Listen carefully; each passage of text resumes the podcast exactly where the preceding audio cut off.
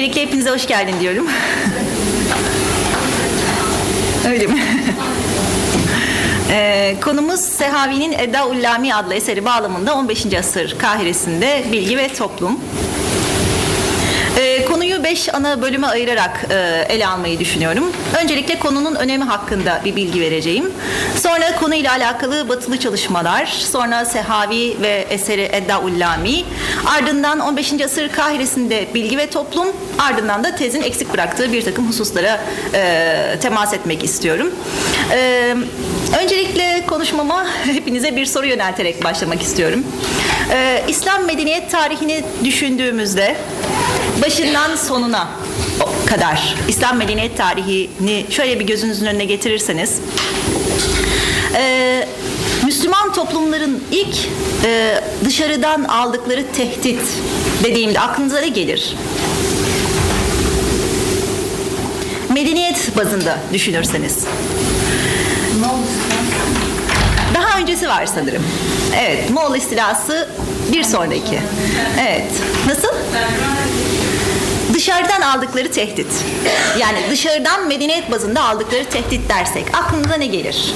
Evet, tercüme hareketleri, Moğol istilaları. Ee, buyurun hocam.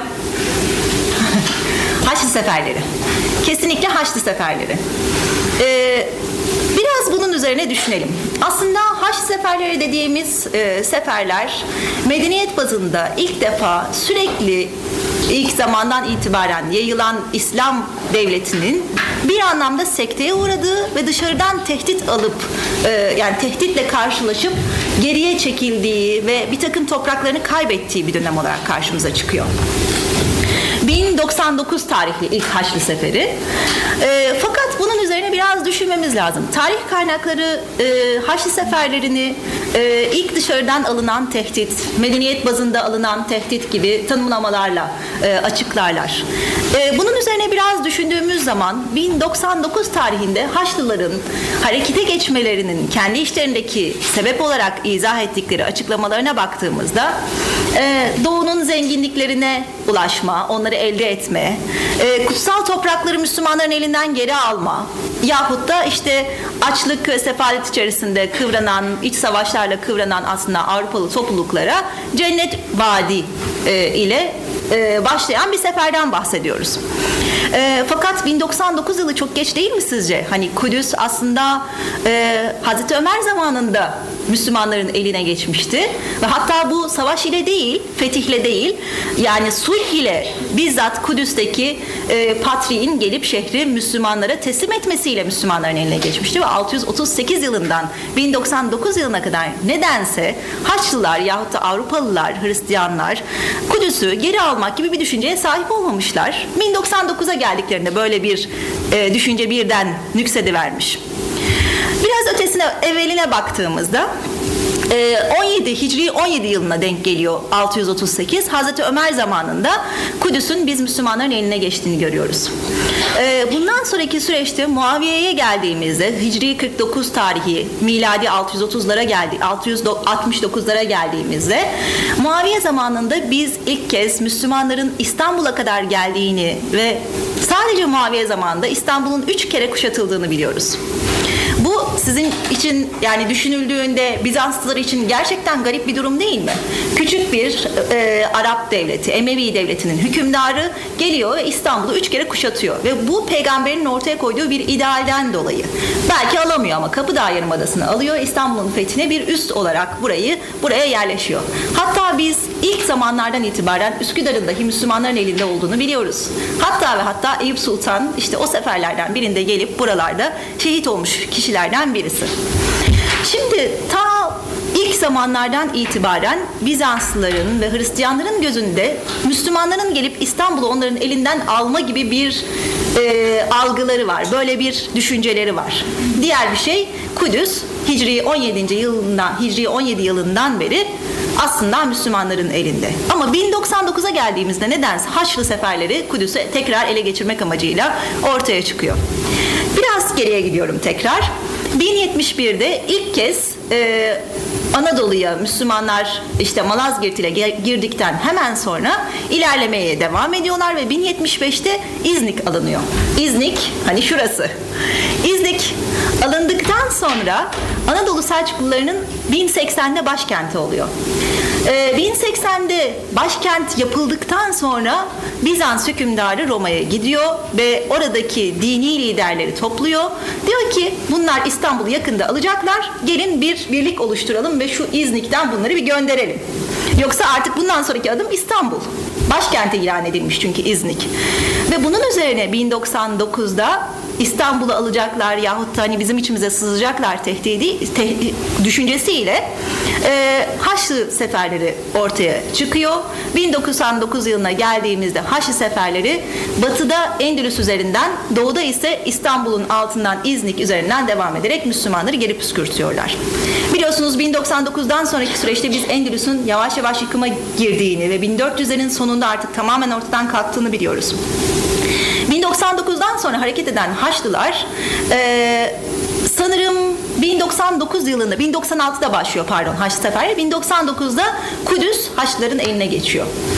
E, 1099-1244 yılları arasında Kudüs Haçlıların elinde. Yani 145 yıldan bahsediyoruz. 145 yıl boyunca Kudüs'te yaşayan bir önceki dönemde e, Yahudi, Müslüman yahut da kendi mezheplerinden olmayan bütün Hristiyanların haklarını elden ellerinden alan bir yönetim söz konusu burada. E, fakat dikkatinizi çekerim 145 yıllık tarih Kudüs'ün Hristiyanların elinde olduğu tarih hakkında henüz doğru düzgün bir çalışma yapılmadı. Oradaki Müslümanların halleri ne haldeydi? O idare altındaki ulemanın ya da toplumun, Müslüman toplumun yahut da orada, o, o idarenin altında zulme uğrayan Yahudilerin halleri hakkında yapılan tarih ya da diğer alanlarda henüz doğru düzgün bir çalışma yok. Gelelim ikinci tehdide. Moğol istilası. Bu arada bir şeye daha dikkatinizi çekmek istiyorum. 1922'den bugüne daha 100 yıl olmadı. Fakat Osmanlı'dan ayrılan topluluklar yahut da sömürge haline gelen toplulukların halleri bizim gözümüzün önünde aslında. 145 yıllık Kudüs idaresindeki dönemi çok göz ardı ediyoruz. Sanki Kudüs'e Kaşlılar girmişler ve çıkmışlar gibi bir algıya sahibiz. Gerçekten İslam dünyasında acaba e, bu nasıl bir e, yankı uyandırdı? İlk defa toprak kaybı, Hristiyanların yeniden İslam topraklarına girişi ve diğer taraftan Haçlı seferlerinin başlangıcı acaba küçücük Anadolu beyliklerinden birinin izni alması mı e, Bizans için tehditti yoksa küçük bir devlet için mi Bizans'ın gelişi tehditti? Bence bunlar gerçekten ciddi sorular. Yani Müslümanlar mı acaba Bizanslılar ya da Batı medeniyeti için, Hristiyanlar için bir tehdit oluşturmaktaydı? Yoksa kocaman Bizans için küçücük bir beylik mi tehdit oluşturmaktaydı? Bu soruları sanırım biraz göz ardı ediyoruz ve bunlar üzerine pek de bir çalışma yapmıyoruz. Gelelim ikinci tehdide. İkinci tehdit İslam dünyasının medeniyet çapında karşı karşıya geldiği ikinci tehdit Moğol istilaları. Moğol istilalarının başlangıç e, başlangıcına baktığımızda 1258 e, şeklinde geçiyor. Fakat aslında 1217'lerden başlıyor. Harzemşah'tan başlıyor. Aslında Abbasi halifesinin Harzemşahlara karşı Moğollardan yardım istemesi üzerine Moğolların hareketi geçmesiyle başlamış Moğol istilaları.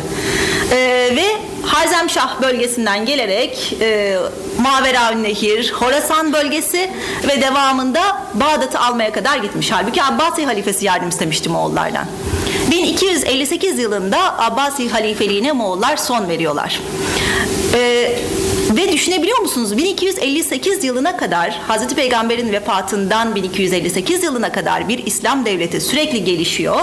Küçük bir Kudüs bölgesi Haçlıların eline geçmekle birlikte içerisindeki iç savaşların haricinde aslında İslam hilafeti sürekli büyüyerek, toprak geliştirerek gelişmesine devam ediyor. Ama bir anda 1258'e geldiğimizde İslam halifeliğinin merkezi olan Bağdat Moğolların eline geçiyor. Tarih kayıtlarından hatırlarsınız.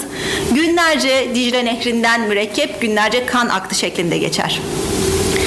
Ee, bu gerçekten büyük bir travmayı oluşturuyor aslında bizim için bir taraftan.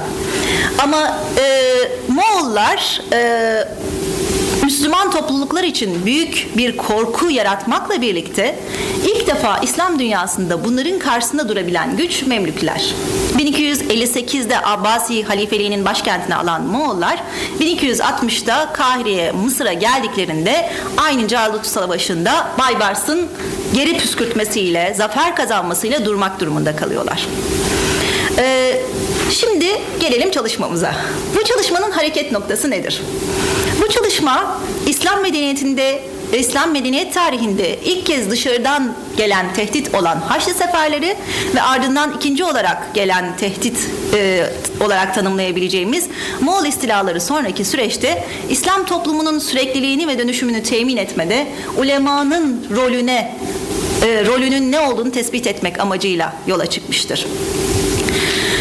Peki bu, bu konuyu çalışmak bugüne ne söyler? İslam medeniyet tarihinde tarihsel sürece baktığımızda üçüncü bir dış tehdit ile karşı karşıyayız medeniyet bazında. Bu modernleşme. Ve modernleşme sürecinde, modernleşme ile gelinen süreçte İslam toplumlarının dönüşümünü ve sürekliliğini nasıl gerçekleştireceği konusunda belki de ipuçları verebilir. Ulemanın rolü bazında. Anlayışına göre Orta Çağ dediğimiz dönem karanlık, karanlık çağ. Ee, bu batı merkezinden baktığımızda haklı bir tanımlama olabilir. Ama çok toptancı ve genelleyici bir e, tanımlama. Halbuki Orta Çağ dediğimiz dönemde İslam medeniyetinin en zirvede ilmi faaliyetlerinin, kültürel faaliyetlerinin yaşandığı dönem. Özellikle 15. asır Kahire'sine geldiğimizde biz çok canlı bir ilmi çevre olduğunu da tespit edebiliriz. Batılı yaklaşımların diğer bir e, yanılsaması ise Osmanlı öncesindeki dönemi toptan gelişmelerin olmadığı, herhangi bir gelişmenin yaşanmadığı bir süreç olarak kabul etmeleri, görmeleri. Bu yak, tarih yaklaşımı, bu tarih algısını biz de kabul ettiğimiz zaman o zaman Osmanlı öncesi bizim için dersiz hale geliyor. Ve araştırma gerek araştırmaya gerek duymadığımız, e, üzerine çalışmaya e, değer bir şey olmadığı bir süreçmiş gibi algılıyoruz. Halbuki kaynaklara indiğimizde hiç de öyle olmadığını görüyoruz. Peki Memlükler üzerine çalışmak neden önemli? Haçlılar ve Moğollar sonrası İslam dünyasında siyasi birliği ilk kere ilk kez temin etmiş olan yapı Memlükler. Yapısına baktığımızda idari yapının Türklerin elinde olduğunu, Türkçe konuşan kimseler tarafından götürüldüğünü fakat halktan farklı bir yapı arz ettiklerini bunların biliyoruz. Yani Memlük Devleti'nde idare Türklerden fakat Kahire, Şam Araplardan oluşan bir e, toplumsal yapıya sahip. İdaredekilerin Türkçe konuştuğu ve Hanefi mezhebine daha çok maturidi e, çizgisinde olduğu bir yapıda e, halkın çoğunluğunun şafi olduğu e, bir zemine e, sahip olduğunu görüyoruz. E, Memlüklerde siyasi yapıyı ellerinde tutan elit aynı zamanda askeri ve ticari yapıyı da ellerinde tutmakta. Fakat Memlük siyasilerinin tek elinde tutmadıkları yapı ilmi yapı. İlmi yapı ulemanın eline bırakılmış ve ulema tarafından gelişmesi temin edilmiş. Bu e, siyasiler tarafından himaye edilmiş. Bu farklılık bize her e, adımda karşımıza çıkacak olan bir takım gelişmelere e, sebep oluyor. E, diğer bir özelliği ise Memlüklerin tarih ve tabakat yazımı başta olmak üzere İslam ilimlerin hemen her alanında zengin materyale sahip. Yani eğer bir arkadaşımız Memlükler dönemi çalışmak isterse çok güzel bol malzemeyle karşılaşacak. Yazılı malzemeyle yani matbu malzemeyle karşılaşacak ve bu malzeme bize o dönemi çalışmayı kesinlikle çok daha kolay hale getiriyor. Arşive gitmenize gerek kalmadan yahut da işte e, yazma eserlere ulaşmanıza gerek kalmadan matbu eserlere ulaşabiliyorsunuz. Peki Memlük Kahiresini çalışmak neden önemli? İslam tarihinde biz ilk kez dört fıkıh mezhebinin resmi olarak aynı çatı altında eğitiminin verildiği tek mekan olarak Kahire'yi görüyoruz. Bundan öncesinde Mustansiriye Medresesi var fakat e, bu yaygınlaşmamış. İlk olarak Kahire'de bu kadar yaygın bir şekilde dört mezhep aynı çatı altında medresede resmi olarak eğitimini sürdürmüş. Daha sonra izah edeceğiz. Acaba bunu biz intellectual capital gibi bir tabirle ifade edebilir miyiz? Bu biraz iddialı bir şey olabilir. Ee, bu e, işte cultural capital e, Bourdieu'nun ifadesine e, benzer bir ifadeymiş gibi ama e, üzerinde düşünmemiz gerekiyor. Ee, Memlük Kahiresi'nin diğer bir özelliği yeni bir takım ilim türleri ortaya çıkıyor. Yeni bir takım ilimler ihdas ediliyor bu dönemde. Mesela e, İbni Haldun geliyor, Ümran ilmini ortaya koyuyor. Kafiyeci geliyor, mezhep ilmini ortaya koyuyor. Yahut da bir başkası geliyor, işte bu ilmi ben yazarım diyor. Yeni ilim türleri ortaya çıkıyor eskisinden farklı olarak. Yeni bir ulema tipi ortaya çıkıyor. Dört mezhebin bir arada eğitimini gördüğü yahut da eğitimini görmese bile diğer mezhepten insanlarla oturup ortak bir zeminde tartışmalarını gerçekleştiği bir zeminden bahsediyoruz. Tabakat ve tarih yazımı konusunda Memlüklerin biz çok e, zengin materyale sahip olduğunu ve bu konuda bize çok iyi bir örnek teşkil ettiğini de söyleyebiliriz. Yandan İslami ilimlerin hemen her alanında eser telifi de bu dönemde çok zengin e, bir şekilde bizim karşımıza çıkmakta. Acaba bu dönemde tabakat eserlerinden hareketle bunu söyleyelim. Diğer ilmi türlerden ya da diğer eserlerden hareketle de söyleyebiliriz ancak sadece tabakat eserlerinden hareketle e, anlamaya çalıştığımızda bir bilginin elitizminden söz edebilir miyiz? Bunlar üzerine biraz sonra detaylarına gireceğiz. Intellectual capital ifadesini birazcık e, detaylandırmaya çalışayım. E, 9. Hicri asır yani 800-900 yıllar arası miladi 1400-1500 yılları arasını bir düşünelim. Neler olmuştu? 1400 yıllarının başında aslında Osmanlı 1402'de Timur ile savaşmış, yıkılmanın eşiğine girmiş ve fetret dönemine girmişti hatırlarsanız. 1400 yıllarının başından sonuna kadar Endülüs artık yıkılmaya başlamış ve sonunda tamamen ortadan kalkmıştı. Uzun süreli bir devlet olmakla birlikte. Horasan ve Mavera Nehir bölgesi Moğol istilaları nedeniyle e, ciddi bir sarsıntı içerisindeydi. Bağdat halifeliği ortadan kalkmış ve Şam da Moğolların eline geçmişti. Kahire bir anlamda kurtarılmış bölge gibi ve buraya Moğolların girmemesi, Endülüs'ten gelenlerin, Horasan'dan, Mavera Nehir'den gelenlerin, hatta Anadolu'dan gelen pek çok kimsenin akın ettiği bir bölge burası. Kahire. Siyasiler tarafından ilmi faaliyetler himaye ediliyor ve destekleniyor ve şehrin içerisinde pek çok medrese kurulmuş ilmi faaliyetleri desteklemek için. Hatta e, tabakat eserlerinden e, anladığımız kadarıyla e, ilmi faaliyetler sadece medrese bazında da gerçekleşmiyor. Yani medrese ilmi faaliyetlerin sadece belli bir ölçeğini hatta küçük bir ölçeğini elinde tutabiliyor. Bu nedenle İslam dünyasının dört bir yanından, Endülüs'ten, Anadolu'dan, Horasan ve Maveran Nehir'den, Şam'dan ve Bağdat'tan insanların ve ulemanın biz o dönemde Kahire'ye akın ettiğini görüyoruz. Siyasiler ise, siyasi elit ile ise bu ihtiyaç yani bu tabloyu gördükleri e, görmelerinin neticesinde dört mezhebin aynı çatı altında bir arada eğitiminin temin edildiği medreseler inşa etmişler. Ve biz bunun örneğini Osmanlı'da yahut da başka bir devlette görmüyoruz. Avrupa peki ne durumda? Avrupa'da bir kere iç savaşlar var e, iç birbirlerini kırmak durumundalar. Açlık ve sefalet çok yüksek bir seviyeye gelmiş. Ve 1300 yıllarının başından itibaren sürekli olarak 1400'lerin sonuna kadar neredeyse veba salgınları gidip geliyor. Hatta kayıtlarda ki ben bunlara detaylarıyla bakmıştım. Kayıtlarda e, Avrupa nüfusunun neredeyse yok olacağından bahsediyor. Yani tarihi kayıtlar. Bu esnada Kahire'de e, ise ulema ilmi faaliyetlerini e, devletin himayesinde ve hür bir ortamda gerçekleştiriyor. Diğer taraftan biz bu tabakat kayıtlarını merkeze aldığımız zaman ulema bilgi ağlarını Kahire'de ne kadar merke, ka, yani ulema bilgi ağlarında Kahire'nin ne kadar merkezi bir rol oynadığını da tespit edebiliyoruz. Ve o günün Kahire'sini anlamak için gerçekten ulema bilgi ağları bizim için çok önemli bir veri sunuyor. Bu ağları tespit ettiğiniz zaman e, ki kayıtları bunun gerçekten çok iyi e, bir kaynağı. E, siz Osmanlı'daki ilk medreselerin müderrislerinin de Kahire'den bir şekilde geçtiğini, Kahire'de eğitim gördüğünü yahut da burada eğitim verdiğini de tespit edebilirsiniz. Gelelim batıda yapılan çalışmalara. E, Memlükler hakkında henüz Türkiye'de yahut da Arap dünyasında çok fazla çalışma yok. Maalesef ki e, Türkiye'de e, Fatih Yahya Hoca var siyasi tarihi çalışan, Cengiz Tomar Hoca var işte vezirlik yahut da üstadarlık üzerine çalışan, askeriye üzerine çalışan. E, İbni Tarihi Berdi'yi çalışan yeni birisi var, e, Abdullah Sağır. İbni Tarihi Berdi'nin menhelini çalışmış. Onun haricinde pek başka kimse göremiyoruz. Fakat Batı'da Chicago Üniversitesi'nde 1996'dan beri e, Memlük Araştırmaları Merkezi kurulmuş. 1996'dan beri her yıl e, dergi yayınlıyorlar ve bu dergide e, on, onlarca makale ortaya koyuyorlar ve bu makalelerle neredeyse Memlüklilerin araştırılmadık bir yerini bırakmamışlar. Bizde henüz araştırma yok.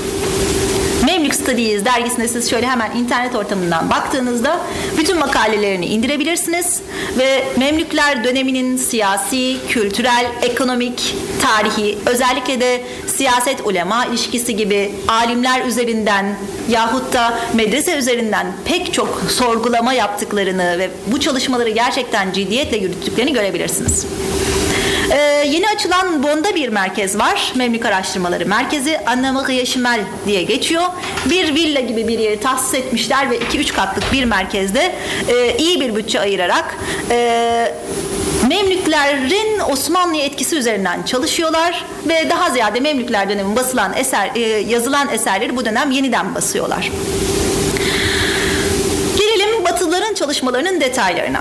Şimdi öncelikle şunu söyleyebilirim. 15. asır Kahire'sinde bilgi ve toplumu aslında üç temel başlık üzerinden devam ettireceğiz. Nasıl yani bunu nasıl izah edeceğiz dersek. Birincisi ulema, ikincisi medrese, üçüncüsü İslam ilimlerin yüksek öğretimi. Peki Batı'da bu konuda neler yapılmış? Kim ne yapmış? Ulema bilimi hakkında Lapidus ilk olarak çalışanlardan. Ee, sonra Richard Bulliot geliyor ve Karl Petri var.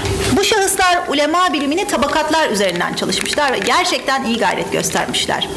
Onların koyduğu, ortaya koyduğu çalışmalar tabakatların ulema bilimi, işte ulema bilimoloji gibi hani bir tanımlama yapılmasına sebep olmuş.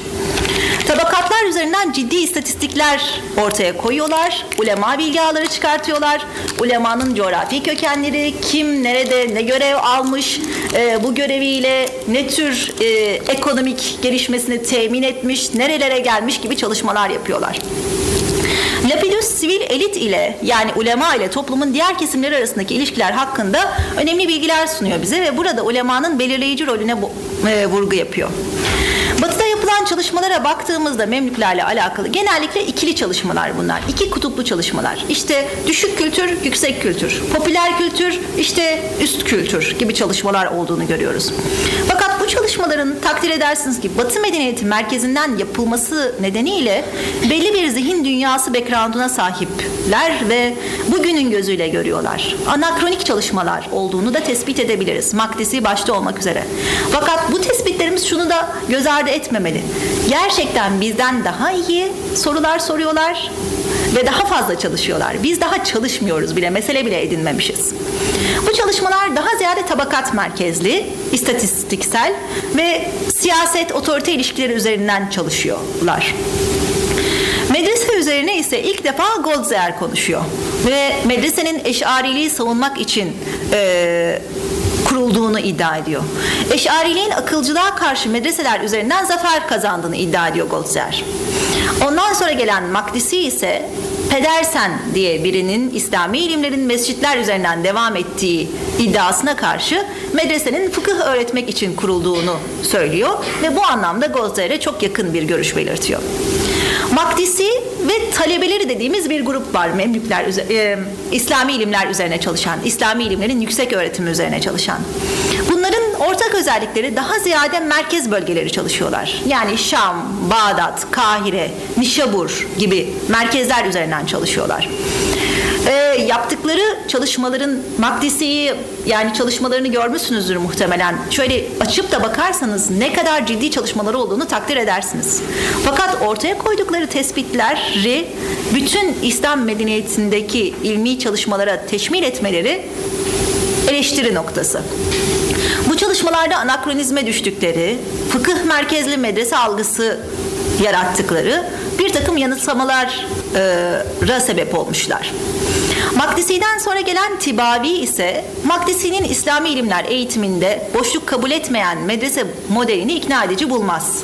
Ve medreselerin aslında fıkıh merkezli bir algıdan öte devlet kademelerine bürokrat yetiştirmek için kurulduğunu iddia eder. Peki İslami ilimler eğitim sistemi üzerine yoğunlaşan diğer kişiler ne yapar? Makdisi'den sonra gelenler. Efrat Bağdat'ta yüksek öğretim üzerine çalışmış. Michelle Chamberlain Şam'da yüksek öğretim üzerine çalışmış ve bunun ayan aileleri üzerine, ulema aileleri üzerinden devam ettiğini iddia eder. Yani İslami ilimleri aslında Makdisi gibi medrese değil de ulema aileleri tek eline almıştır der Chamberlain.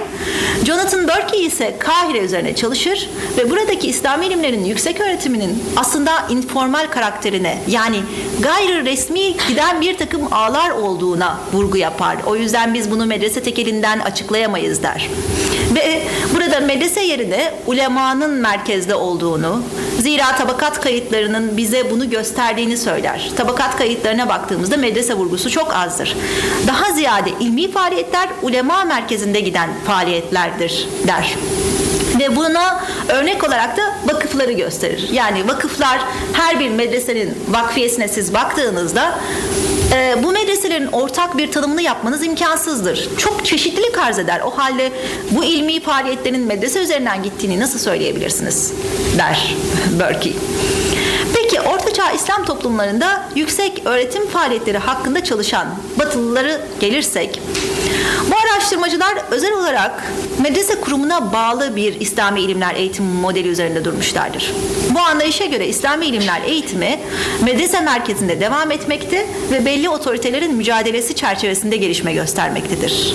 Yani mansıp mücadeleleri, siyasi ilişkilerle bir takım mücadeleler vesaire. Gelelim Sehavi ve Edda'ullami adlı eserine. Sehavi Hicri 831-902 tarihleri arasında yaşamış, dönemin ileri gelen ilmi faaliyetleri içerisinde bulunan şahıslarından biri. Aslında İbni Hacer'in en sıkı talebesi. Ee, 7 yaşına kadar ilk öğretimini tamamladıktan sonra İbni Hacer'in yanına intisap etmiş, hocasına intisap etme durumu var ve hocası vefat edene kadar hacca bile gitmemiş. Ee, hocasının pek çok eseri İbn yani İbn Hacer'in pek çok eseri bize Sehavi kanalıyla geliyor. Ee, çok sıkı bir muhaddis ve aynı zamanda çok sıkı bir tarihçi. Fıkıh e, alanında da çok etkin bir isim olduğunu biz biliyoruz. 200 kadar hocası olduğu kaynaklarda geçiyor. Ben buraya bir kısmını alabildim. Muhtemelen sizin de bunların bir kısmını tanıdığınızı, bildiğinizi düşünüyorum. İbn Hacer e, en baş hocası, dönemin e, yani sadece dönemin değil İslam medeniyet tarihinde İslam ilimlerle uğraşan arkadaşlarımız bunu zaten bilirler. Hadis ha, yani hafız dediğimizde ilk aklımıza gelen isim bütün medeniyet tarihinde İbn Hacer'dir. Hadis alanında bu kadar otorite olmakla birlikte İbn Hacer aynı zamanda dönem içerisinde 27 yıl boyunca Memlük Şafii Kadıl Kudatlığını yapmış bir isim olarak karşımıza çıkar. Yani fıkıh alanında da büyük bir otorite. Hacer aynı zamanda tarih alanında da e, otorite bir isimdir. Yani tarih alanında yazdığı eserler dönemi bize çok güzel resmeder. Sonraki hocası Makrizi. Makrizi'yi bilirsiniz. Memlük Kahire'sinin yahut da Memlük topraklarının en büyük tarihçi isimlerinden biridir. İbni Haldun'un talebesidir ve İbni Haldun'u eleştirerek ve yeniden yorumlayarak bize Memlük Kahire'si başta olmak üzere Memlükleri e, sokak sokak toplumsal yapı itibariyle olsun sokak sokak bize tarif eden bir isim olarak karşımıza çıkar. Aynı diğer bir isim Sehavi'nin hocalarından dönemin Hanefi Kadül Kudatı. Kafiyeciyi duymuşsunuzdur. Hanefi fakih, e, gene Sehavi'nin hocası. İbnül Hümam var Hanefi fakihlerden. İbnül Deyri var Hanefi fakihlerden. Aynı zamanda İbnül Hümam'ın hocası. Emin el Aksarayi var. E, bu da Hanefi fakih. İbni Kadı Aclun var. Bu Şafii fakihtir. Sehavi'nin hocalarından. Ee, Ebul Fazl İbn Şihne var. Türktür ve Hanefi otoritedir o dönemde. Aynı zamanda Ebu İbn Şihne ailesi e, dönemin Kahire Kadri Kudatlığını ard ardına e, ellerinde tutan bir ailedir. Şumuni var. Aslen Cezayirlidir. E, fakat Hanefi bir fakihtir bu. Sehavi'nin hocalarından. İbni Kutlubağ e, Hanefi fakihlerden Tacüt Teracim adlı eseriyle biz bunu biliyoruz. Münavi var. Şafii Kadül Kudat e, o dönemde. Bisati ise Maliki Kadül Kudat. Ee, İbnül Kereki var, Hanefi fakihi ve Cemal el Mahalli var, Şafii fakih ve müderris. Bunlar öne çıkan 200 tane hocasından birkaç isim sadece ve muhtemelen pek çoğunuz bu isimleri duymuşsunuzdur.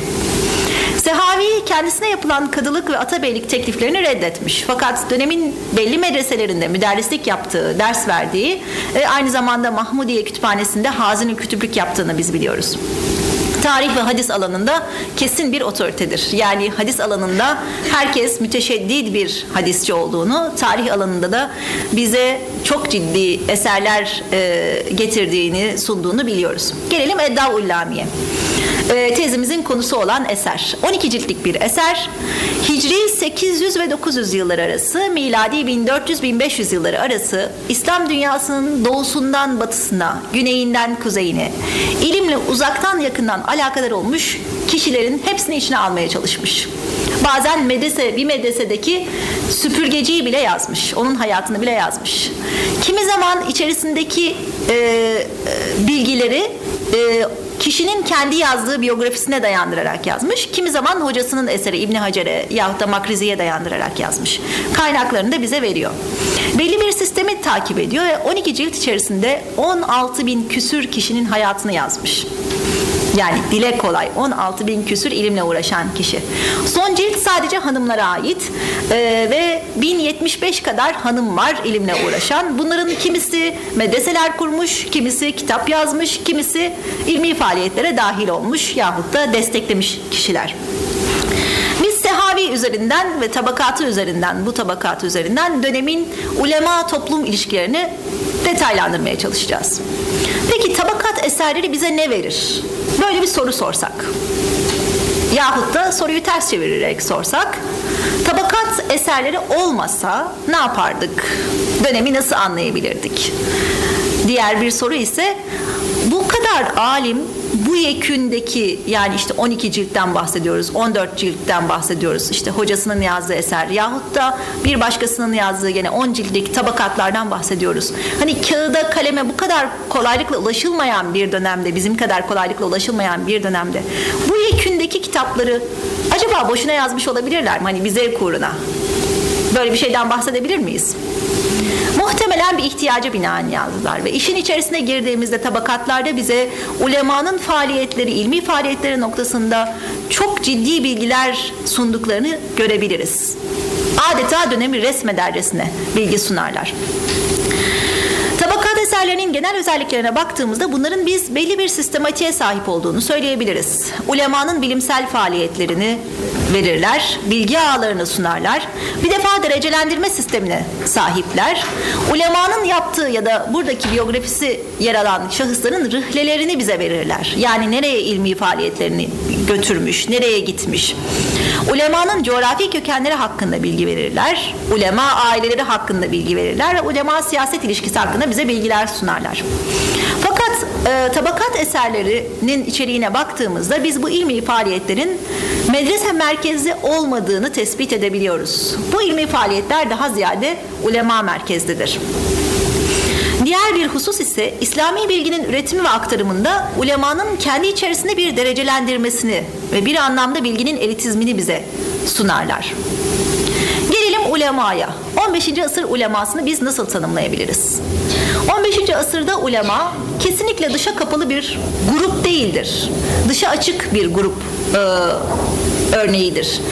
Ee, umuma açık ders halkaları yapar. Özel ders halkalarında ihtisas derslerini devam ettirir ve toplumsal problemlerle yakından ilişkilidir. Diğer bir husus ise Osmanlı'dan farklı olarak Memlük uleması bürokrasiyle de çok yakından ilişkilidir. Dönemde yani Moğollar sonrası döneminde İslami bilginin yeniden inşası, aktarımı, sürekliliği ve eser üretimi noktasında e, etkin faaliyet, aktif faaliyet göstermişlerdir. Mesela bu dönem medreselerinde yahut da ders halkalarında biz bir takım manzum eserlerin tedris edildiğini görüyoruz. Elfiye türünü hiç duymuş muydunuz bilmiyorum. Ama mesela usulde, e, Arap dilinde, fıkıhta elfiye dediğimiz türler ortaya koymuşlar. Bunlar manzum eserler ve usulü hadisi baştan sona bin beyitte, bin kadar beyitte manzum olarak size aktarıyorlar.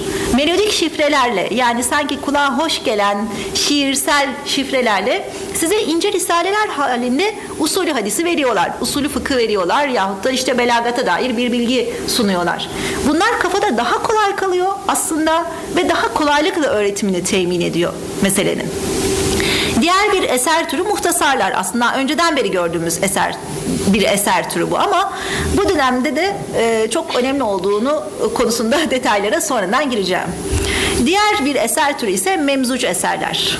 Dört e, mezhebin bir arada tedrisinin yapıldığı Kahire'de bir anlamda mezhepler arası bir takım metodolojik metodik e, birlikteliklerle oluşturulmuş eserler diyebiliriz. Şimdiye kadar gelen fukaha ve mütekellimin metotlarının bir araya getirilerek usulü fıkıhta yeni eser türlerinin memzuç diyebileceğimiz eser türlerinin ortaya konduğunu biz bu dönemde görüyoruz. Tahrişler, zeyiller, haşiyeler ve şerhler de bu dönemde çokça ortaya konan eser türlerinden. Bu dönemdeki ulemanın diğer bir fonksiyonu yeni bir dünya görüşü ortaya koyuyorlar. Çünkü Moğollar sonrasında bir anlamda İslam toplumu yok olma tehlikesiyle karşı karşıya gelmiş. Ve siz bir öncekiyle olan bağlantıyı ulema üzerinden kuruyorsunuz.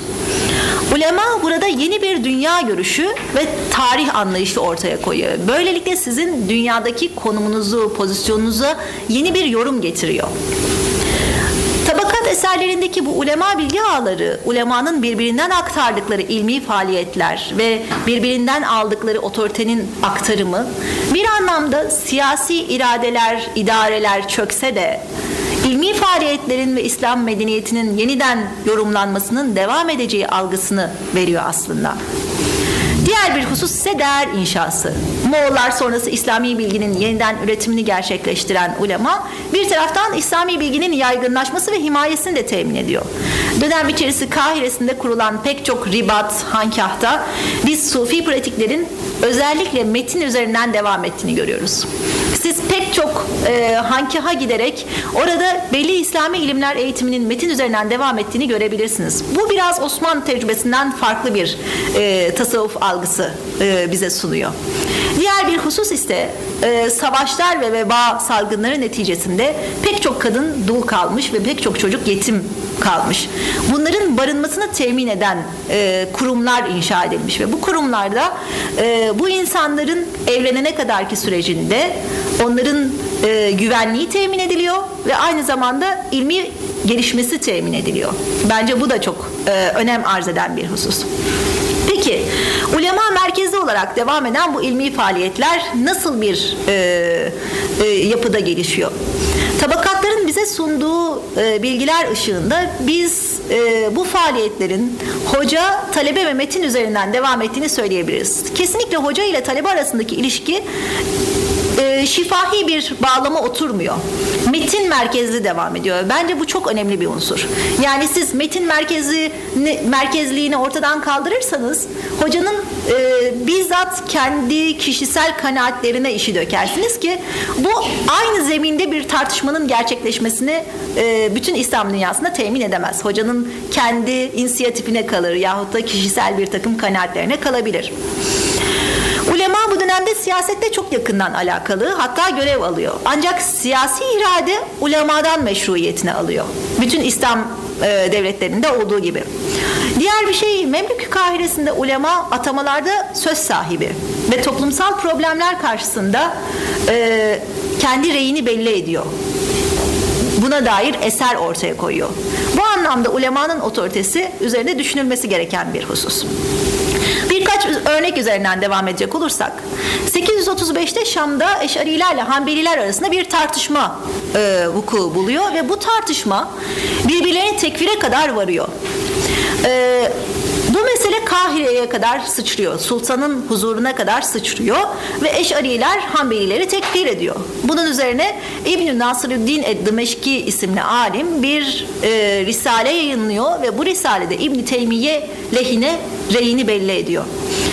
Kahire uleması İbn Nasreddin Ed-Dimeşki Şam'da. Kahire uleması onun görüşlerini destekliyor ve bunun üzerine Kahire'deki sultan 855'te Hanbeliler lehine e, bir karar çıkartıyor. Cemal el Malati var. Ee, gene dönemle alakalı olan insan yani arkadaşlarımızın tanıyacağı bir isim. Timur'un bölge alimlerini toplayarak halkın mallarına el koymak için fetva istemesine karşı bunun şer'an caiz olmadığını onu ikna ediyor. Bezzazi var. Bu şahıs Hanefi furuğunda otorite. Molla Fenari usulde nasıl otorite ise bu da Hanefi furuğunda otorite ve yazdığı bir risale ile Timur Leng'in e, küfrüne fetva veriyor. Hüsrev hepinizin tanıyacağı üzere Sehavi'de hayatı kaydedilenler arasında. İstanbul'un ikinci kadısı Ayasofya Medresesi'nin baş müderrislerinden. Sahne Seman Medresesi'nin ise müderrisliğini yapanlardan ve programını yapanlardan Ali Kuşçu ile birlikte. Ve zamanın Ebu Hanifesi olarak geçiyor. Bu Sehavi'de detaylarıyla verilen isimlerden biri. Dönemin ulemasından birkaç örnek bakalım. Hani 16 bin küsür kişiden bahsettik ama bunlardan birkaç isim zikredelim. Mesela Zeynüddin Iraki. Acaba duydunuz mu?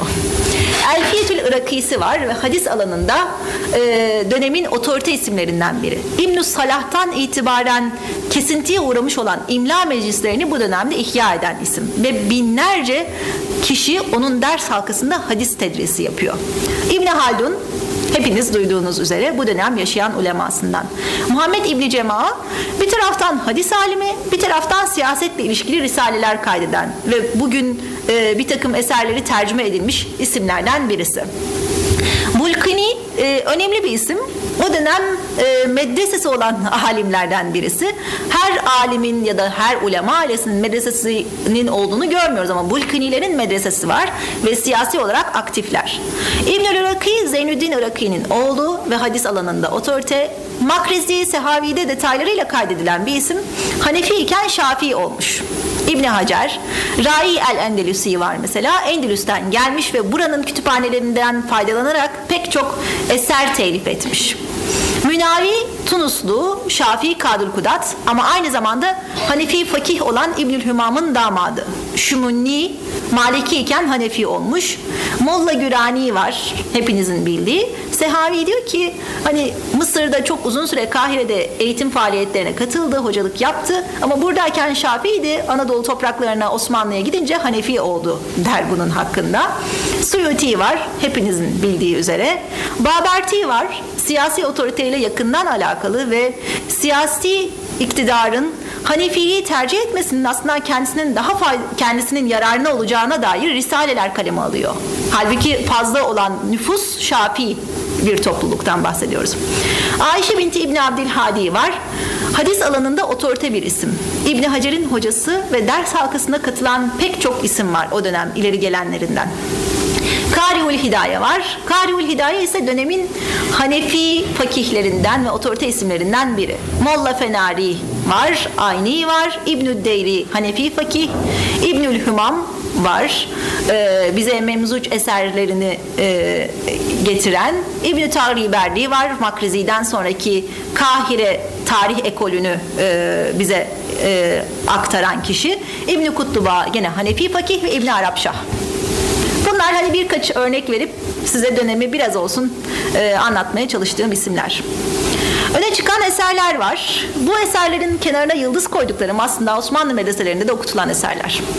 Ee, bunlar bir kısmı o dönemde yazılmış, bir kısmı ise üzerine şerh ya da muhtasarlar yazılmış eserler. Mesela tabakat eserlerinde neredeyse herkesin okuduğuna şahit olduğumuz eserler diyebiliriz bunlara. Nuh Betül Fiker, İbn Salah'ın muhtasarını İbn Hacer'in yazdığı bir muhtasar. Cem'ul Cevami, Subki'nin fıkıh usulüne dair eseri. Cem'ul Cevami gene Suyuti'nin nahiv ilmine dair eseri. Şerhu Cem'ul Cevami, Taceddin Subki'nin fıkıh usulüne dair eserine Mahalli'nin şerhi. Minhac, Nevevi'nin Sahih Müslim şerhi. Minhacü't Talibin, Nevevi'nin Şafii fıkhına dair eseri. Minhacül Usul ise Kadı Beyzavi'nin fıkıh usulüne dair eseri. Tavzih var. Osmanlı medreselerinde çok çok tutulan Sadr Şeria'nın fıkıh usulüne dair tenkihine yazılan şer. Elfiyetül Hadisiye Iraki'nin eseri olduğunu söylemiştik. Umdetül Ahkam Cemmaili'nin sahihinde ittifakla rivayet edilen ahkam hadislerine dair eseri El Kafiye hepinizin bildiği üzere Arap nahvine dair İbnül Hacib'in muhtasarı dönemin çok çok tutulan eserlerinden. İbn Hacer'in emalisi var. Emali kayıtlarından bir örnek bu. Erbain Nevevi Telhisül Miftah gene Osmanlı medreselerinde okutulan eserlerden Miftahul Ulum Arap gramerine dair Sekkaki'nin eseri Şerhul Mevakif İci'nin e, Mevakıf adlı kelama dair eserine Cürcani'nin şerhi. Usulüddin alanında Ala el-Buhari'nin yazdığı eser Usulüddin. E, Ala el-Buhari'nin kelama dair eseri. Şerhül Havi var. Şerhül Akaid Taftazani var. Şatıbiye şerhi ve Menar şerhleri var. Eserler aslında biyografilerde karşımıza neredeyse ilimle uğraşan herkesin okuduğu e, ortak eserler olarak e, tespit edebileceğimiz türden eserler. Ve bu eserler üzerinden aslında biz dönemi e, daha iyi anlayabiliyoruz. Peki 15. asır Kahire'sinde medrese dediğimizde bunu nasıl izah edebiliriz? Bir kere Kahire'de dört mezhebin aynı çatı altında eğitiminin yapıldığı medrese modelinin tek bir tanımını yapmak imkansız.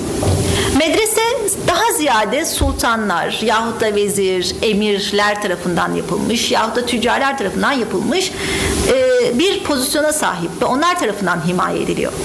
İslami ilimlerin belli bir sistem ve dilde yaygınlaşmasını temin ettiğini söyleyebiliriz. Dört mezhep aynı çatı altında bir de fıkıh merkezli medrese algısı sanki e, söz konusu. Ancak biz medreselerin tabakat kayıtlarında içeriğine baktığımızda buralarda sadece fıkıh değil, İslami ilimlerin neredeyse hemen her alanında eğitiminin yapıldığını görmekteyiz. Vakfiyesine ve baş müderrisine göre değişiklik arz ediyor. Yani takım örnekler vereceğim biraz sonra. O zaman daha iyi anlayacağız. Yani vakfiyeyi, medreseyi vakfeden nasıl bir eğitim istiyorsa ona göre farklılık arz ediyor. Bu nedenle 15. asır Kahire'sinde medrese çok çeşitlilik arz eden bir yapıda. Bir kere tabakat eserlerinde medreseye intisap diye bir şey yok. Hocaya intisap diye bir şey var. Bu bizim aslında şu anda biraz tasavvufla e, yani tasavvuf alanında kullandığımız bir tabir ama o dönemde hocaya intisap var ve onunla birlikte eğitimini tamamlamak var. E, 9. asrın başlarında yani 800 yılının 800 yıllarında Kahire'nin nüfusu 600 bin. 800 yıllarının sonuna geldiğimizde 900'lere doğru 385 binlere iniyor. 385 bin kişilik ya da 400 binlik diyelim nüfusta ya da başına alalım 600 binlik nüfusta Kahire'de sadece 75 tane medrese var. Bu sadece kurumsal anlamda yani yüksek öğretim kurumu anlamında medrese var. Bugün İstanbul'un nüfusunu sadece düşünürsek 17 milyon. İstanbul'da kaç tane medrese var? Sanırım 49 tane medrese var. O günün Kahire'sinde 75 tane yüksek öğretim kurumu var ve biz tabakat eserlerinden hareketle diyoruz ki İslami ilimlerin yüksek öğretimi medrese merkezinde gerçekleştirilen bir eğitim olmuyor. Değil, böyle değil. Ulema merkez yani daha farklı yerlerde daha fazla eğitim yapılıyor. Genel özelliklerine baktığımızda her biri vakfedenin bütçesine göre farklı arz ediyor ve külliye şeklinde. İçerisinde cami, ribatı, hankahı, kütüphanesi, kalacak mekanı, kimisinin mimaristanı, türbesi ve bahçesi var. Umuma açık ders halkaları düzenleniyor. Kadınların ve çocukların da katılabildiklerini görüyoruz biz bu ders halkalarına. Akli ve nakli ilimlerin eğitimi yapılıyor. Neredeyse bir pek çok medresede Sahih Buhari dersleri veriliyor. İmla meclisleri ve ihtisas dersleri var. 15. asır Kahire medreselerinden birkaç örnek verecek olursak Berkokiye Medresesi dört fıkıh mezhebi için e, ayrı vakıflar tahsis edilmiş bir medrese. camii var, hankahı ve türbesi var. Kariül Hidaye burada Hanefi fıkıh, fıkıh okutuyor. Mahalli Şafi, Yusuf el-Bağdadi, Hanbeli ve Bisati ise Maliki fıkıh müderrisi. Bulkiniler burada Zemahşeri'nin keşşafını okutuyorlar tefsir olarak. Molla Gürani burada müderrislik yapmış. Ee, İbni Hacer'in talebesi Molla Gürani aynı zamanda. Fatih'in hocası olduğunu biz biliyoruz bunun. Bu e, Molla Gürani İstanbul'a geldikten sonra sanki Kahire'deki medreselerin modelinin bir küçüğünü burada yaparak kendi medresesini, hankahını ve hamamını inşa etmiş ve kendi Molla Gürani'nin eserlerine baktığınızda Kahire'de okutulan eserlerin üzerine bir takım eserler kaleme aldığını görüyoruz. Fazlıye Medresesi bir kadı tarafından kurulan medrese. Maliki ve Şafiilere tahsis edilmiş. Ee, kütüphanesi var ve bu kütüphanede 100 bin kitap var. Şu anda İslam'da 300 bin kitap var arkadaşlar. 100 bin kitaplık kütüphanesi var. Mustafa Osman'ı almak için 30 bin küsür kitap e, dinar vermiş. Sarık 60'iye medresesi Cemal el Malati burada Zemahşeri'nin keşafını okutuyor. Endülüs'ten Kahire'ye gelen ulema ailesinden İbn Merzuk burada müderris. İbn Şihne kendisi önce babasının muidi sonra müderris oluyor. Daha sonra Hanefi başkadısı oluyor. İbn Haldun da burada hadis müderrisi. Astarhan'dan gelen İbn Arapşah Hanefi kadısı ve fıkıh Hanefi fıkıh müderrisi.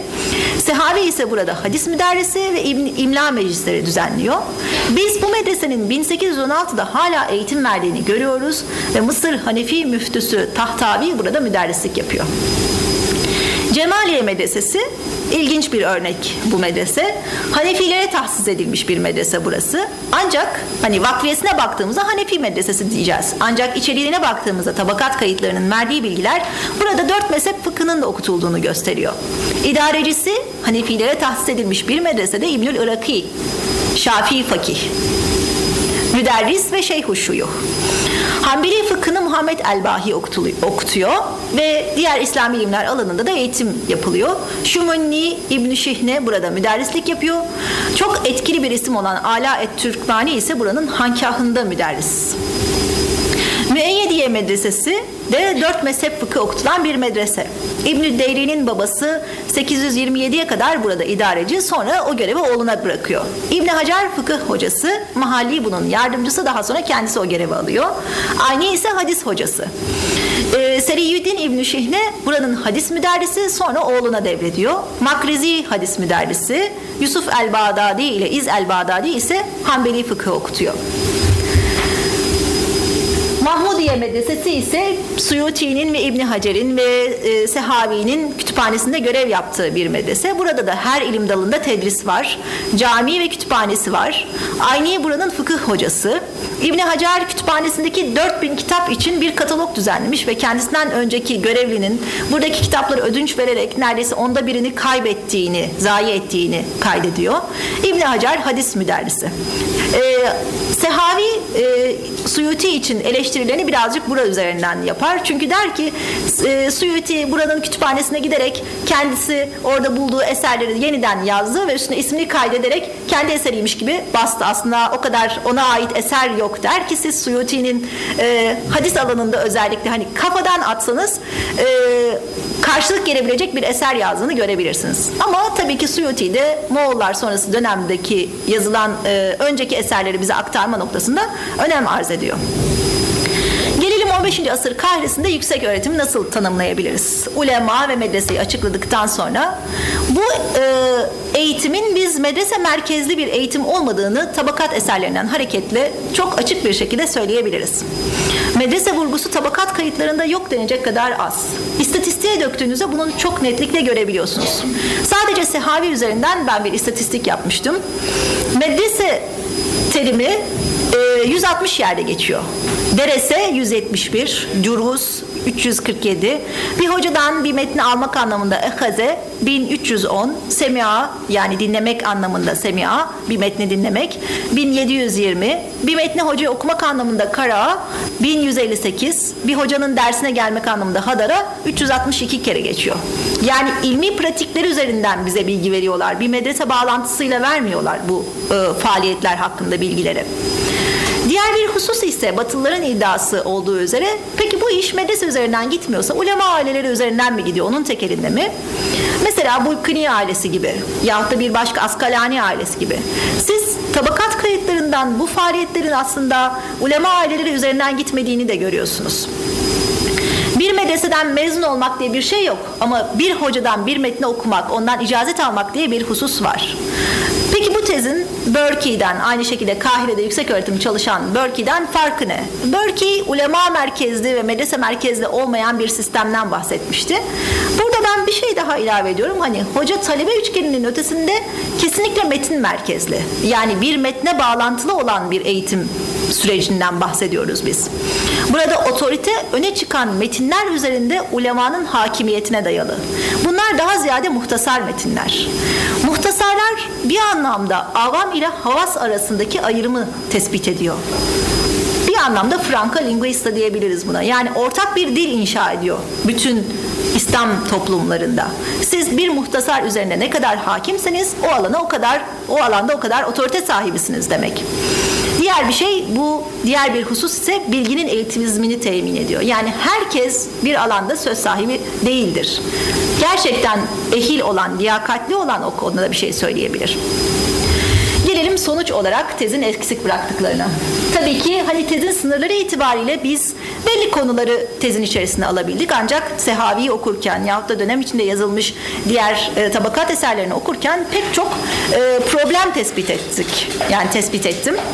E, mesela toplumsal sorunların tespitinde dönemin uleması pek çok risale kaleme almış. Başta Sehavi, İbn Hacer olmak üzere risaleler üzerinden siz dönemin sorunlarını tespit edebilirsiniz ve buna ulemanın nasıl reaksiyon gösterdiğini tespit edebilirsiniz. Ee, mesela Sehavi dönemin tartışma konularından satranç üzerine, satrancın hükmü konusunda bir risale kaleme almış. Mesela Şafii mezhebi mi tercih edilmeli yoksa Hanefi mezhebi mi tercih edilmeli? Bunun üzerine kaleme alınan risaleler var. Benzer konularda mesela işte Hanefi Hanbelilerin Eş'arileri, Eş'arilerin Hanbelileri eleştirdiği noktalarda ulema risaleler kaleme almış. Diğer bir husus fetava türü eserler. Mesela batılı bir gözle baktığınızda eser vermeyen kişilerin, alimlerin yok hükmünde olduğunu söyleyebilirsiniz. Ama Kariul Hidaye gibi bir alim var ve Sehavi'nin tabakatında diğer tabakatlarda da o şekilde. Neredeyse 8. 9. asırda kendisinden ders okumayan yok bu alimin. Dönemin e, Hanefi otoritesi olarak zikrediliyor. Hatta Hanefi e, Ebu hani dönemin Ebu Hanifesi olarak zikredilen bu şahsın bize gelen bir eseri yok. O halde bu yok hükmünde mi? Hani eğer eser üzerinden okuyacaksak Karül Hiday diye birisi yaşamamıştır gibi düşünebiliriz. Ancak talebesi İbnül Humam sağ olsun fetavalarını bize getiriyor ve şu anda Osmanlı e, Osman'dan gelen yani Osmanlı kütüphanelerinde e, bunun matbu olarak biz bize ulaştığını görüyoruz. Ancak Karül Hidayı biz nereden anlayacağız ya da nereden okuyacağız böyle bir ismi? Bu problemli bir şey. Bezzazi'nin de fetavaları var. Fetavalar pek çok kişi tarafından yazılmış dönemin ulemasında. Ee, bir kere hiçbir şey bir boşlukta ortaya çıkmadı. Şerh ve muhtasarları bir şeyin tekrarı olarak görmek yerine birbirinden fark ne, ne tür farklılıklar ortaya koyduğunu görebilirsek aslında bunların bize katkısını da görebiliriz. Yani şerhler ve muhtasarlar acaba dönem içinde belli şeyleri yeniden yorumlayıp bize aktarıyor olabilirler mi? manzum eserler, elfiyeler yahut da memzuc eserler bize nasıl bir bakış açısı sağlıyor? Belli bir şahısın biyografisi üzerinden çalışmalar yapılabilir. Ee, eserleri üzerinden mesela çıkartılabilecek bir entelektüel yazın tarihi oluşturulabilir. Mesela İslami ilimler alanında hala İbn Hacer üzerine doğru düzgün bir biyografi çalışması yok. Makrizi üzerine doğru düzgün bir tarih çalışması yok. İbn Haldun üzerine yani tabii ki çalışmalar var ama hani en çok çalışılan kişilerden birisi. Ama yani doğru düzgün bir biyografi çalışması yok. Yahut da eserleri üzerinden o şahsı okumak sanırım birazcık daha ötede bir şey. İkili çalışmalar yok. Ee, mesela Suyuti ve Sehavi Suyuti ve e, Sehabi ve Kafiyeci gibi, İbni Hacer ve Ayni gibi. Bu tür çalışmalar Batılıların çok sevdiği çalışma türü. Yani böyle karşılaştırmalı çalışmaları yapmayı çok seviyorlar ama bizde bu henüz ortaya konulmuş bir tür değil. E, Baberti ve Necmettin Ettarsusi gibi işte bir takım risaleler yayınlayıp siyasi hayatta da etkin olan alimlerin risaleleri üzerinden çalışılabilir ki Baberti 5 tane risale yayınlamış. Bunların her biri şu anda Süleymaniye Kütüphanesi başta olmak üzere kütüphanelerimizde mevcut. E, siyasi iradenin, idarenin Hanefi mezhebini tercih etmesinin Şafii'ye göre daha iyi bir şey olduğunu iddia etmiş ve bunun şartlarını bize sıralıyor. Aynı şekilde Necmettin Ettarsusi de öyle. Bize yani e, 758 yılında vefat etmiş. Diyor ki işte Hanefiliği tercih ederseniz daha kazançlı çıkarsınız demeye getiriyor aslında bu risalesinde. E, Batılıların çokça çalıştığı diğer konular mesela veba salgınları topluma nasıl bir etki yarattı? Toplumsal tarih ama çok güzel neticeler ortaya koyuyor. Çocuk ölümleri üzerine doktora yapmışlar. Çocuk ölümleri yani sadece Kahire'de e, veba salgınları ya da savaş neticesinde yaşanan çocuk ölümleri ve bu nedenle ağlayan anneler diye doktora çalışması yapmışlar. Aile vakıfları üzerine çok üzerine çokça çalışma yapılmış. E, fakat bizde eksik olan konular. İslami ilimlerin belli bir alanındaki tarihi gelişiminde çalışabiliriz tabii ki. Bizzat eser üretim üzerinden işte İbn Hacer, Iraki, Molla Gürani, Baberti, Makrizi ya da İbn Arapşah gibi. Tabakat eserlerinden çıkartabileceğimiz diğer bir husus ise mesela mezhebin görüşü, mezhebi temsil etme, mezhep değiştirme meselesi. Mesela bu dönemde mezhep değiştirenler var. Yahut da kimlik mezhep ilişkisi üzerine çalışmalar yapılabilir. Evladun Nas önemli. Mesela İbni Tarihi verdi bir Evladun Nas. Ama aynı zamanda Hanefi fakih, aynı zamanda çok iyi bir tarihçi. Evladun Nas ne demek? Memlüklere mahsus bir şey bu. Memlüklerin çocukları siyasi olarak ilerleyemiyor. Ama ilerlemeyen çocuklar aynı zamanda iyi bir eğitim alıyor. Türkçe ailesinden öğrenirken girdiği ortamlarda Arapça öğreniyor, maddi geliri var. Bu çocuklar ne yapacak? Memlük siyasi elitinin giremediği tek sınıf olarak ulema sınıfına dahil oluyorlar bunlar. Ve aslında siyasilerin ulemanın içerisine girebilmesini temin eden bir yol oluyor. Biz pek çok e, medrese vakıflarının bu evladın nasıl elinde olduğunu görüyoruz. Ancak bunlar arasında ilimde çok ilerleyip bir sürü eser ortaya koyanlar var. Tasavvuf meselesi tabii ki hankahlar ve ribatlar Osmanlı'dan farklı bir pratiğe sahip. Ee, beşik uleması önemli. Çünkü mansıbını oğluna devrediyor. Fakat oğlu eğer ufaksa daha bebek konumundaysa hatta 3 yaşında bebek 5 yaşında 7 yaşındaysa o mansıp ona devrediliyor. Fakat naibi tarafından iş görülüyor. Yani ders naibi tarafından veriliyor. Çocuk büyüyünce mansıbını alıp sahiplenip e, görevine devam ediyor. Hocanın yardımcısı mesela. Yani baş yardımcısı gibi Kadül kudatlık meselesi de böyle. Mesela e, ben işte Sehavi'den ve dönemin diğer yazılan e, eserlerinden e, bir asır boyunca, 9. asır boyunca dört mezhepteki kadül kudatları çıkartmıştım sırayla kimler gelmiş diye. Çok ilginç bir tabloyla karşılaşmıştım orada. E, Maliki mezhebinden, Şafii'den ya da Hanefilikten neredeyse bir iki ailenin elinde dönmüş sürekli e, kadıl kudatlık. Tamam aileler belki İslam ilimlerinin yüksek öğretimde başat rolü oynamıyor ama mansıp meselesine gelince bir iki aile içerisinde dönüyor bu işler. İslami ilimler dışındaki ilmi faaliyetler ise benim tezimin tamamen dışındaki bir konuydu. Fakat Memlükler dönemi e, İslami ilimler dışındaki akli ilimlerde de çok etkin ve gelişme gösteren bir dönem ve bunun Osmanlı'ya etkileri tabii ki. Evet, teşekkür ediyorum dinlediğiniz için. Bu kadar. Zamanı birazcık açtık galiba ama hayırlısı. Sorularınız varsa alabilirim.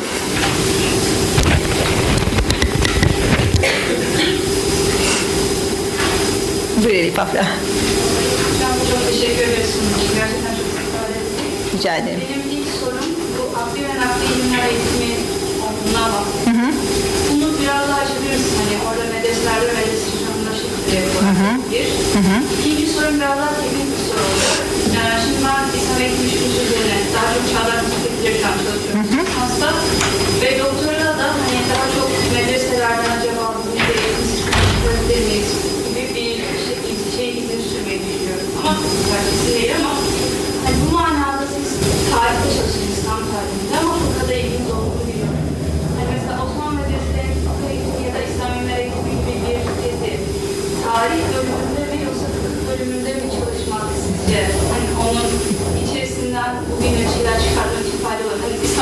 çalışmak sizi memnun olduğu bir şey miydi? Şimdi ilk soruna geleyim. Ee, Memlük Kahiresi'ndeki belli medreselerin mimaristan bölümleri var. Yani bu sanırım 4-5 medresede var. Hani bu 75 medresenin 5-6 tanesinde belki mimaristan kısmı var ve burada e, bir taraftan tıp hizmeti veriliyor. Yani insanlardan hasta olanlar geliyor ve tedavi görüyorlar. Bir taraftan da tıp eğitimi yapılıyor. Ve e, işte İbni Ebi Usaybiye mesela bu dönemin biraz öncesinde yani 15. asrın biraz öncesinde yaşayan tabiplerden ve e, tıp eğitimini de ben hani nasıl e, tedris ettiklerine bakmıştım. Aynen İslam ilimler eğitimi gibi, rıhle tedrisi gibi yapıyorlar. Aynı zamanda pratik boyutuna da sahip. E, tıp eğitiminin biz bu dönemde verildiğini işte İbn Nefis'in, e, İbn Baytar'ın biz bu dönemde yetiştiğini biliyoruz. E, işte küçük kan dolaşımı e, gibi e, bir takım hani tıbbi bilgilerin bu dönemde e, ortaya konulduğunu yahut da işte tıbbi tıp ilmine dair bir takım gelişmelerin bu dönemde yaşandığını biliyoruz. İşte İbni Arap Şah var e, akli ilimlerle alakadar olan yahut da Hacı Paşa var Osmanlı'nın topraklarından gelip de Kahire'de eğitim gören tekrar giden var. Yani Kahire aslında eski bilgi birikimini İskenderiye'den gelen bilgi birikimini de kullanaraktan bu dönemin medreselerinde tıp eğitimini ve akli ilimler eğitimini de veriyor. Kadarıyla Horasan Mavera Nehir bölgesinden gelen de bir astronomi, matematik ve mantık e, aklı var. Yani hani sadece İslami ilimlerin tedrisinin yapılmadığı ama oradan gelen bir e, ma- matematik üzerinden devam eden bir İslami ilimler e, eğitimini de söz konusu diyebiliriz. Bunu tabakat eserlerinden çıkartmak, teker teker çıkartmak gerekir tabii ki. Ama e, İslam bilimi, bilim tarihi yahut da akli ilimlere de yönelik başka yapılan çalışmalarda bunun detaylarını bulmak daha mümkün. Benim konum daha ziyade İslami ilimler eğitimine e, tahsis edildiği için hani bunlar işin diğer detayları olarak kalmıştı ama hani tabakat eserlerinden biz bunun örneklerini de görüyoruz. Gelelim diğer soruna. E, medreseler üzerine çalışmak hani tarih alanında mı fıkıh alanında mı daha etkili olur? Hani ben tarihçiyim o yüzden fıkıh alanında bir şey söyleyemeyebilirim ama bence hani işin toplumsal yönünü yahut da hani toplumsal pratikte bu nasıl e, bir fonksiyona sahipti, nasıl bir görünüm arz ediyordu kısmını tarihten çalışabilirsin. Ama detaylarını İslami ilimler alanında nasıl bir gelişme kaydetmişti, özellikle fıkıh alanındaki gelişmeler hani Osmanlı medreselerinde ben çok köklü olduğunu biliyorum. Hani onun içerisine girmek fıkıh alanında olacak bir şey. Ama medresenin işleyişi, fonksiyonu, işte ulema gidiş gelişleri, ulema ağlarını sen tarih alanında çok rahatlıkla tespit edebilirsin. O senin ilgi alanına kalmış bir şey. Hani herkesin kişisel tercihi. Buyur Elif Senacığım. Ben şey soracaktım. Konuşmanın en başlarında İslam medeniyetinin burada da iki istikamdan, üçüncüsünde de modernite. Evet, modernleşme süreci. Ee, biraz bununla irtibatlı olarak yani bütün ulema sınıfını görüyoruz. Çok zengin bir yapıda sahip. Yani belki çok klişe bir soru olacak ama günümüzde böyle bir ulema sınıfının e, yeniden ortaya çıkması mümkün mü veya mevcut olan ilmi meclisler zaten var. Bunların o sınıfta bir zenginleşmeye ulaşması yeniden mümkün mü? Çok zor bir soru açıkçası. Ee, yani bence e, benim temel sorularımdan bir tanesi bu tabakat eserlerini ben nasıl anlayabilirim üzerineydi ve e, benim tespit ettiğim kadarıyla aslında tabakat eserlerindeki bu ulemanın e, hiyerarşisi hani tabakat eserlerinde sunulan ulema hiyerarşisi bana bir şey söyledi e, biraz sonra ama ben bunu o kadar kolaylıkla elde etmedim yani gerçekten ya bayağı bir gayret sarf ettiğimi söyleyebilirim. Ne kadar doğru? Bence iyi bir netice yani benim için e, ikna edici bir neticesi oldu. Şöyle ki e, ulemanın birbirinden devrettiği bu e, yani kimin daha etkili ve ehil dönemin otoritesi olduğuna dair İslami ilimleri dönüştürücü etkisini ben metinler üzerinden devam ettirdiklerini, tartışmalar üzerinden devam ettirdiklerini gördüm. Mesela Moğol istilası sonraki süreçte, Moğol istilasından sonraki süreçte kütüphanelerin yakılıp yıkıldığı bir dönemden bahsediyoruz biz Moğol istilasında. Ee, böyle bir ve İslam medeniyeti yok olma tehlikesiyle karşılaşmış ilk defa benzer bir dönemdeyiz aslında. Hani artık Osmanlı halifeliği yok, işte ne bileyim hilafet diye bir şey yok. İslam dünyasında birbirini temsil eden bir şey yok şu anda. Ee, ve e, Memlükler Moğollara karşı koymuşlar ve burada ulemayı himaye etmişler. Burada tabakat eserleri eserlerinin bana verdiği şey e, siyasi iradeler e, yani siyasi güç temerküzü olmasa da siyasi olarak kendisini ortaya koymasa da ulema İslam toplumunun problemlerini dönüştürücü etkisiyle eğer yeniden yorumlayabilirse o halde İslam medeniyeti ayakta durabilir. Ve bu dönüştürücü etki de otorite ulemanın elinde. Siyasi idare hatta meşruiyetini ulemadan alıyor. Yani ulema canlı bir akla sahip olur ve bu dönüştürmeyi gerçekleştirebilirse e, İslam toplumlarının sürekliliğini temin eden unsur işte burası. E, modernleşme döneminde aslında biz daha 145 yıla gelmedik. Hani Haçlılardan bahsetmiştim ya 145 yıl boyunca Kudüs'ü işgal etmişler. E, biz daha 145 yıla gelmedik ve ne tür bir tecrübe yaşadık hepimizin gözünün önünde. Burada e, tabii ki bambaşka bir e, pratikten bahsediyoruz. Bambaşka bir tecrübeden bahsediyoruz ama ulema şayet bu dönemin problemlerini kendi kaynaklarından hareketle İslam medeniyetine e, ait bir e, çözümlemeye ulaştırır ve kendine ait olanı üretirse o zaman İslam medeniyeti bir medeniyet olarak hani e, sürekliliğini temin edecek e, modernleşme sürecinde bence bence bütün süreçlerde bir e, toplumun medeniyet olmasını temin eden işte ulemanın bu dönüştürücü etkisi. Yani siz İslam medeniyetinden nasıl bahsedebilirsiniz? Ulemanın ürettiği metinler üzerinden, ulemanın tanımlaması üzerinden. Bu siyasi idareye, iktidara bağlı bir şey değil. Bence öyle.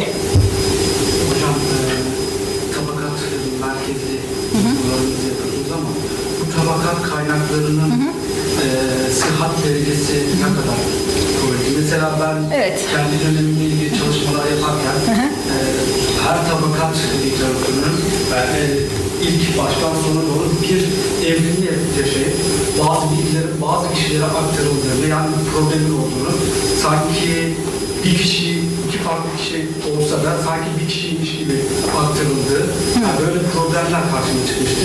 Evet. Bu, bu minvalde mesela sizin döneminizdeki bu çalışmalarda bunun sıhhat derecesi veyahut da e, farklı güvenilirlik derecesi ne kadar?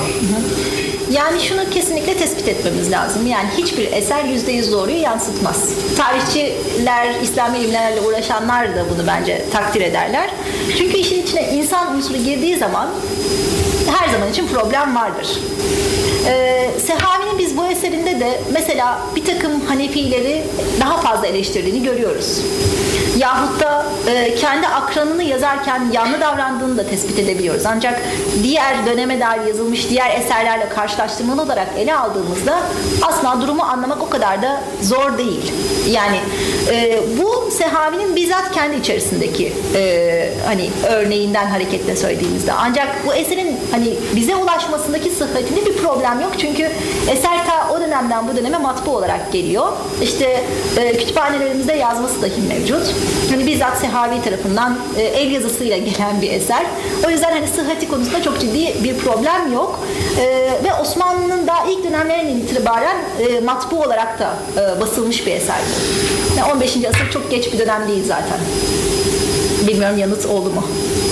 Yani şöyle bilginin doğruluğunu mesela X şahsı hakkında bir malumat sundu. Fakat o X şahsı hakkındaki malumatın sunduktan başka, yani onun sunduğundan başka bir veriye sahip değiliz. Veyahut da veriye sahipsek de o veriye çelişip çelişmediğini nasıl Yani eğer bir başka veriye sahipsek o şahıs hakkında bir defa karşılaştırma yapmamız gerekir. Eğer başka bir veriye sahip değilsek her zaman için e, hani bir ikinci şık daha olabilir diye bir inisiyatif yani hakkını kenarda tutmalıyız. Yani sonuçta sehavi de insan yani hata yapabilir.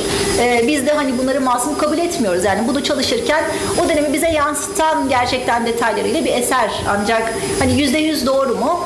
Ama genel ölçüde Sehavi iyi bir eleştirmen ve mesela Suyuti konusundaki eleştirileri çok e, aşırı abartılı görülür. Fakat mesela Sehavi'nin eleştirdiği noktaya siz baktığınızda der ki Suyuti aslında ilim meclislerine takip etmedi. İlim meclislerine çok katılmadı. Gitti Mahmudiye kütüphanesinde oturdu sürekli eser yazdı. Aslında iyi bir noktayı bulmuş Sehavi. iyi bir eleştiri noktasını bulmuş. Yani ilim meclislerindeki tartışmaya dahil olmaması bir kişinin ilmi salahiyetindeki e, bence önemli bir kriter. Buyurun.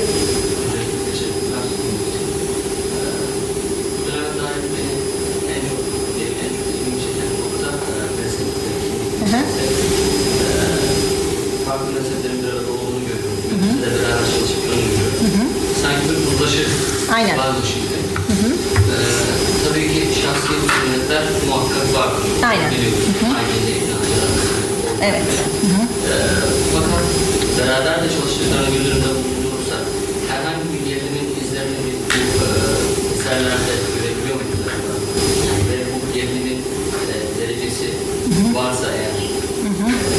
Bir kere mansıp mücadeleleri üzerinden ta- tabakatları tekrardan okursak bize bayağı bir veri sağlıyor. Mesela Ayni ile İbni Hacer arasındaki mücadele. Hani ilmi anlamda birbirlerini kıyasıya eleştiriyorlar. Benzer bir şey e, İbni Hacer ile Helevi arasında yaşanıyor mesela. E, ve hatta İbni Hacer'in e, bir takım görevlerini Helevi'ye devretmiş sultan. Daha sonra İbni Hacer kendi haklılığını ispat ederek o görevleri geri alıyor. Yani aslında dönem içerisinde mansıp mücadelesi bağlamında çok ciddi olarak e, mücadele söz konusu. Yani sonuçta hani o dönemdeki insan yani ulema da insan ve aralarında bir takım çekişmeler var ve e, hani yani daha fazla ulemanın bir araya geldiği bir ortam ve siz ilmi anlamda kendi otoritenizi ortaya koymaya çalışıyorsunuz.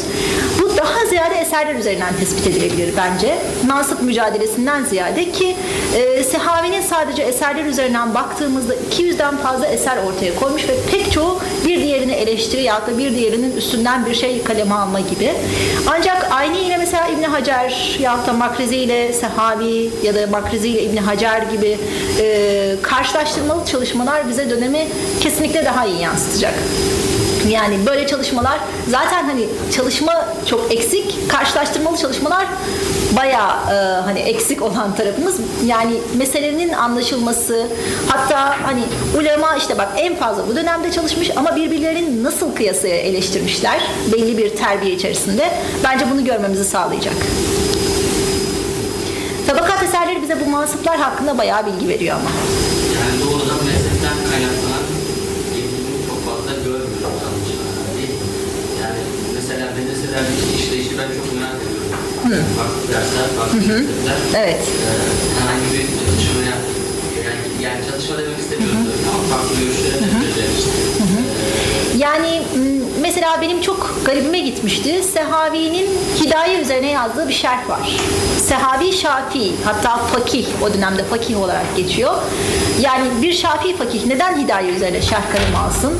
İbni Hacer'in benzer şerhi var Hidaye üzerine. Şu biraz evvel bahsettiğim hani şerhler ve eserler üzerine dönemin ileri gelen uleması otorite mücadelesini eserler üzerinden vermişler. Daha çok bir yerde mansıp alma üzerinden değil. Çünkü mansıp alma aslında ileri gelen ulema arasında pek de hoş karşılanmıyor. Hani bizim algıladığımızın farklı yani algıladığımızdan farklı olarak ama otor- yani eser üzerinden e, kendi otoritesini ortaya koymak çok daha etkin bir yöntem. E, Sehavi mesela Şafii biri olarak Hidaye üzerinden niye şerh kalemi alsın? Ben gidip eserin detaylarına bakmıştım. Daha ziyade benzer yapılan şerh çalışmaları işte farklı mezheplerden bir diğeri üzerine yapılan şerh çalışmaları genellikle e, hadis tahrici gibi. Yani hadislerini değerlendiriyor. İşte ne kadar sağlam kaynaklardan gelmiş. Yani bu adam ne kadar doğru söylüyor onu eleştiriyor. Onun üzerinden bir iddia ortaya koyuyor. Ee, fakat mesela Sehavi'nin yazdığı Hanefi tabakatı da var. Yahut da diğer Şafiilerin yazdığı Hanefi tabakatları, Maliki tabakatları, Hanbeli tabakatları var. Yani bunları nasıl anlayacağız? Bence dönemin o renkli e, tablosu bize bunu gerçekten gösteriyor ve şimdi siz düşünün yani işte İslam gibi bir yer olduğunu düşünün ve her e, köşesinde bir başka mezhebin ders verdiğini düşünün. Yani ben hepsine katılmak isterdim. Yani İbni Hacer'in bir tane fıkıh ders halkası olacak da ben katılmayacağım. Şafii fıkıh okutuyormuş. Ben kesinlikle katılmak isterdim. Acaba nasıl yorumluyor herhangi bir meseleyi? Ya da bir Hanbeli Kadir Kudat ya da bir fakih gelse Hanbeli fıkhını okutsa, Maliki bir fakih gelse Maliki fıkhını okutsa bence yani insan merak eder ve katılmak ister ve orada bir farklı yorum bulur. Yani e, farklı yerlerden gelmesine sorunuz yok mudur? Bence kesinlikle vardır. Hocam burada bir soru daha istiyorum. Tabii. Şimdi bu dört mezhebin ortak bir yerde çalışması Aynen. e, bunların o bölgeye has bir durum. Yani şu, o geleneğin, Kahire'ye has. Mısır Aynen. geleneğinin, yani şöyle İskenderiye ve Mısır geleneğinin bir tutumu mu yoksa Müslümanların o zorunluluktan kaynaklı mı? Bence siyasi iktidar işi iyi okumuş. Yani işe hiç çatışmaya girmeden çözüm sunmuş.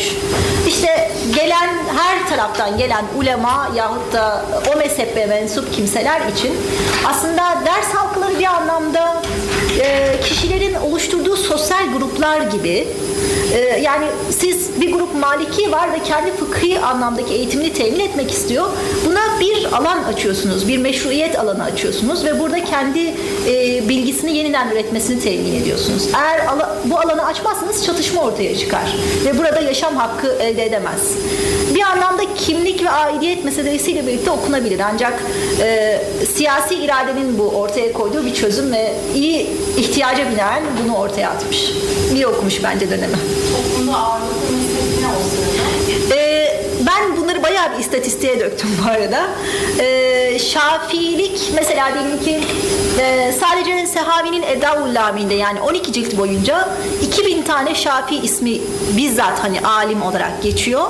Ee, işte mesela bin tane falan binlere yakın 700'lerde Hanefi işte e, 600'lerde falan Maliki 170'lerde Hanbeli. Yani bu orana sahip. Medreseler de bu ölçüde. Yani işte Şafii medreseleri en fazla. Ancak dört fıkıh mezhebi okutuluyor. Maliki, Hanefi ondan sonra, Maliki ondan sonra, Hanbeli ondan sonra gelen. Tamam herhalde arkadaşlar.